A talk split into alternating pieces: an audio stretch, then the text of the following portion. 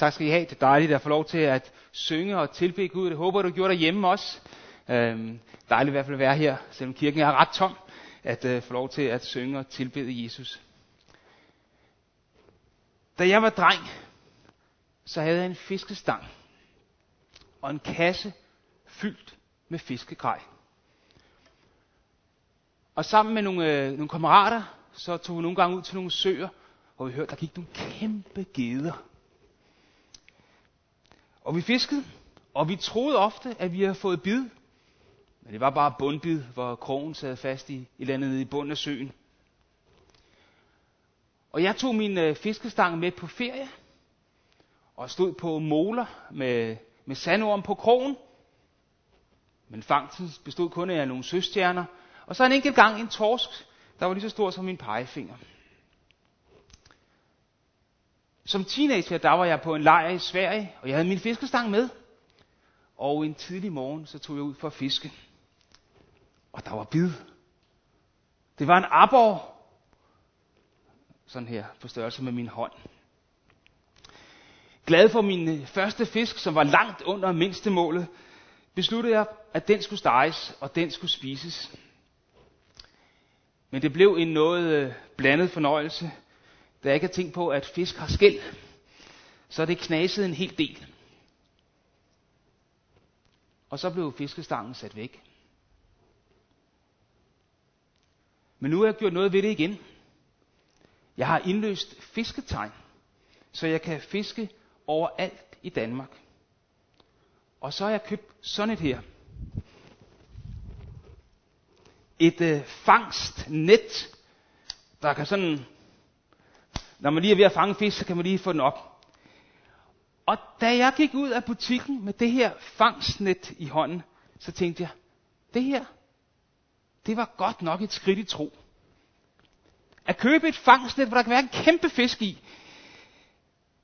Nu når der er gået 35 år, siden jeg fangede min første fisk, der var på størrelse med en hånd. Det er tro. I Bibelen så står der en masse om tro.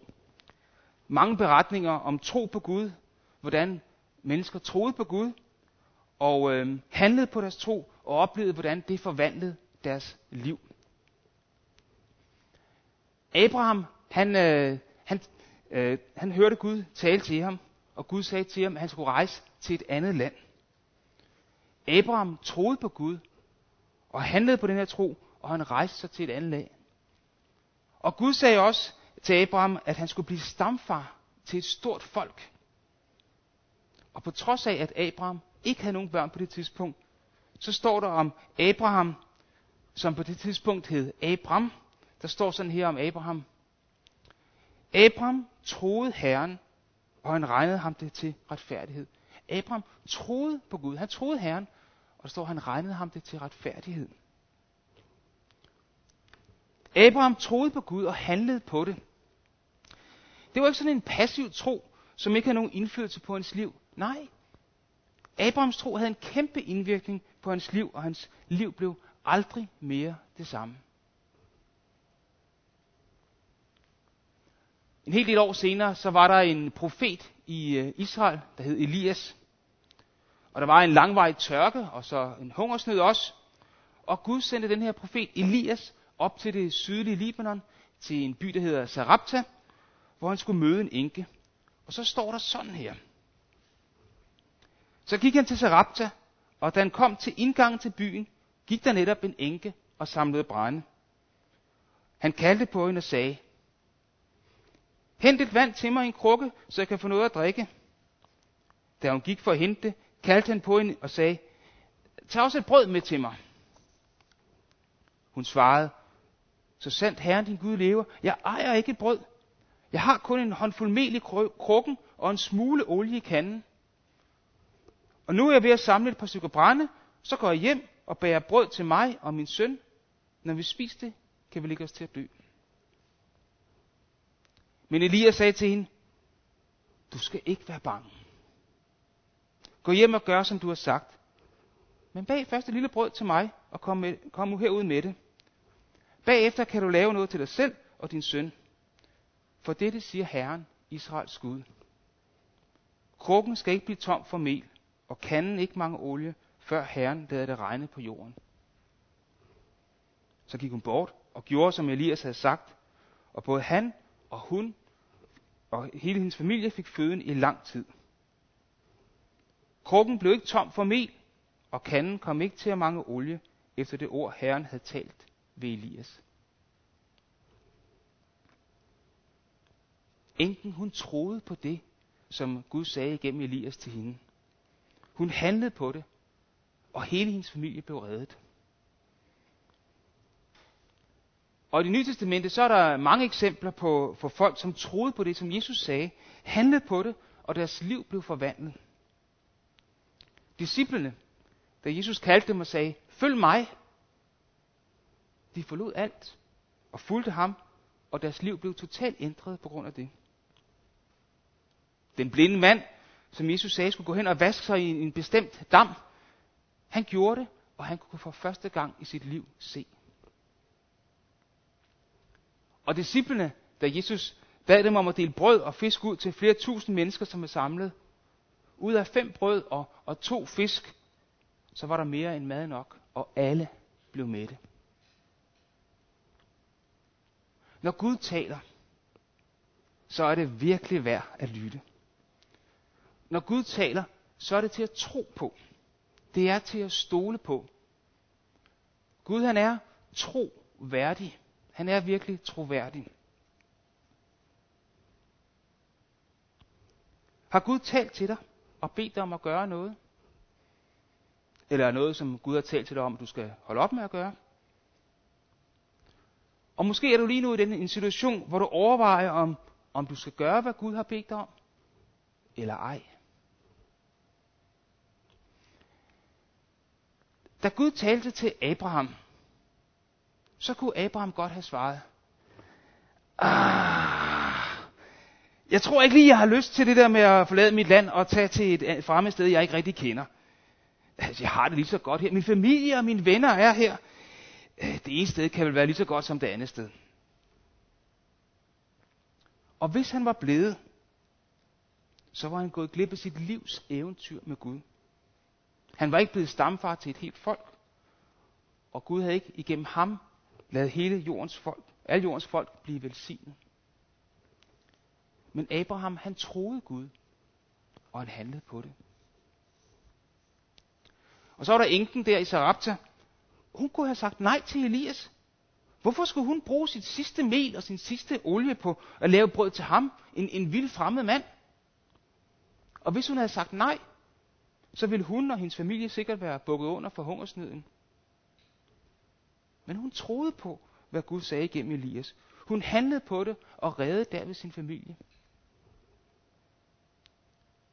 Og da det, Jesus han kaldte disciplene, dem af dem, som var fiskere, så kunne de have sagt, ej, ved du hvad, det passer ikke så godt, det er lige super fiskesæson nu her.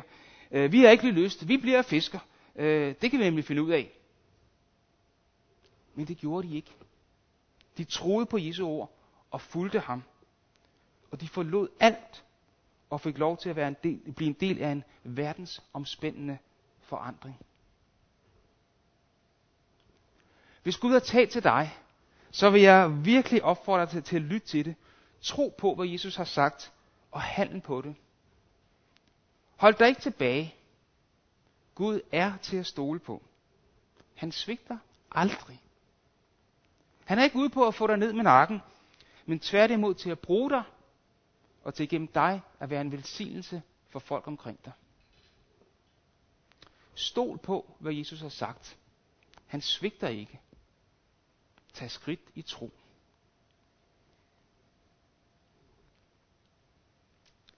Men, og det, er det er et stort men. Hvad nu, hvis Gud ikke har sagt noget bestemt, jeg skal gøre, eller lade være med at gøre? Hvad nu, hvis jeg i mit liv ikke står over for store og livsændrende valg? Hvordan kan jeg så stole på Gud og handle og leve på min tro på Jesus? Det var jo ikke hver dag, at Gud kom og gav Abraham et ny opgave, et nyt kald. Og det eneste, vi hører om den her enke i Sarapta, det var om den her periode i hendes liv, hvor hun sørgede for Elias.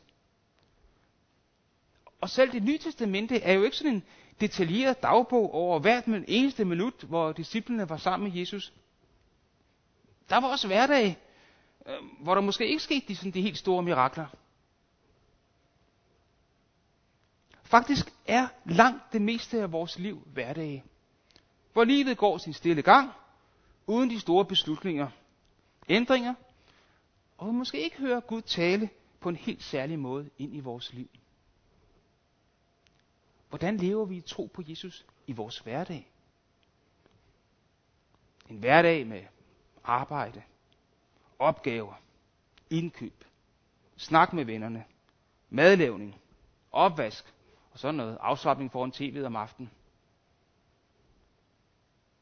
Drejer troen på Gud så kun om sådan de store linjer i vores liv, de store valg, og så selvfølgelig spørgsmålet om, hvor vi vil tilbringe evigheden. Eller ønsker Gud, at vores tro på ham også bliver udlevet i vores hverdag? At troen og konsekvenserne af vores tro kommer til udtryk i vores hverdag? Og hvis så, hvordan så? Nogle vil måske svare, at øh, de går ofte i kirke, ser endda nogle online gudstjenester her i coronatiden. Andre vil svare, at de øh, beder bordbøn, nogle gange læser et stykke i Bibelen. En bøn om aftenen kan også være en måde at udtrykke sin tro på Gud på. Og det er rigtig godt at være sammen med andre kristne, for eksempel til gudstjeneste. Og bøn og læsning i Guds ord er en er en vigtig del af det at, at, at tro og, at kende Jesus. Men, men de her ydre ting, de ting vi gør, hvis, hvis det bliver det vigtigste, det som har vores fokus, så har vi misforstået noget. Og her taler jeg i høj grad også til mig selv. Da Jesus han øh, kaldte disciplene, så gav han dem ikke den første dag sådan en, en grundbog i, hvordan man skal leve det kristne liv. De fik altså ikke, ikke sådan en, en liste med 10 punkter om, hvordan de skulle leve, ting de skulle gøre, og ting de ikke måtte gøre, og så fik de lige til næste uge til at lære den udenad.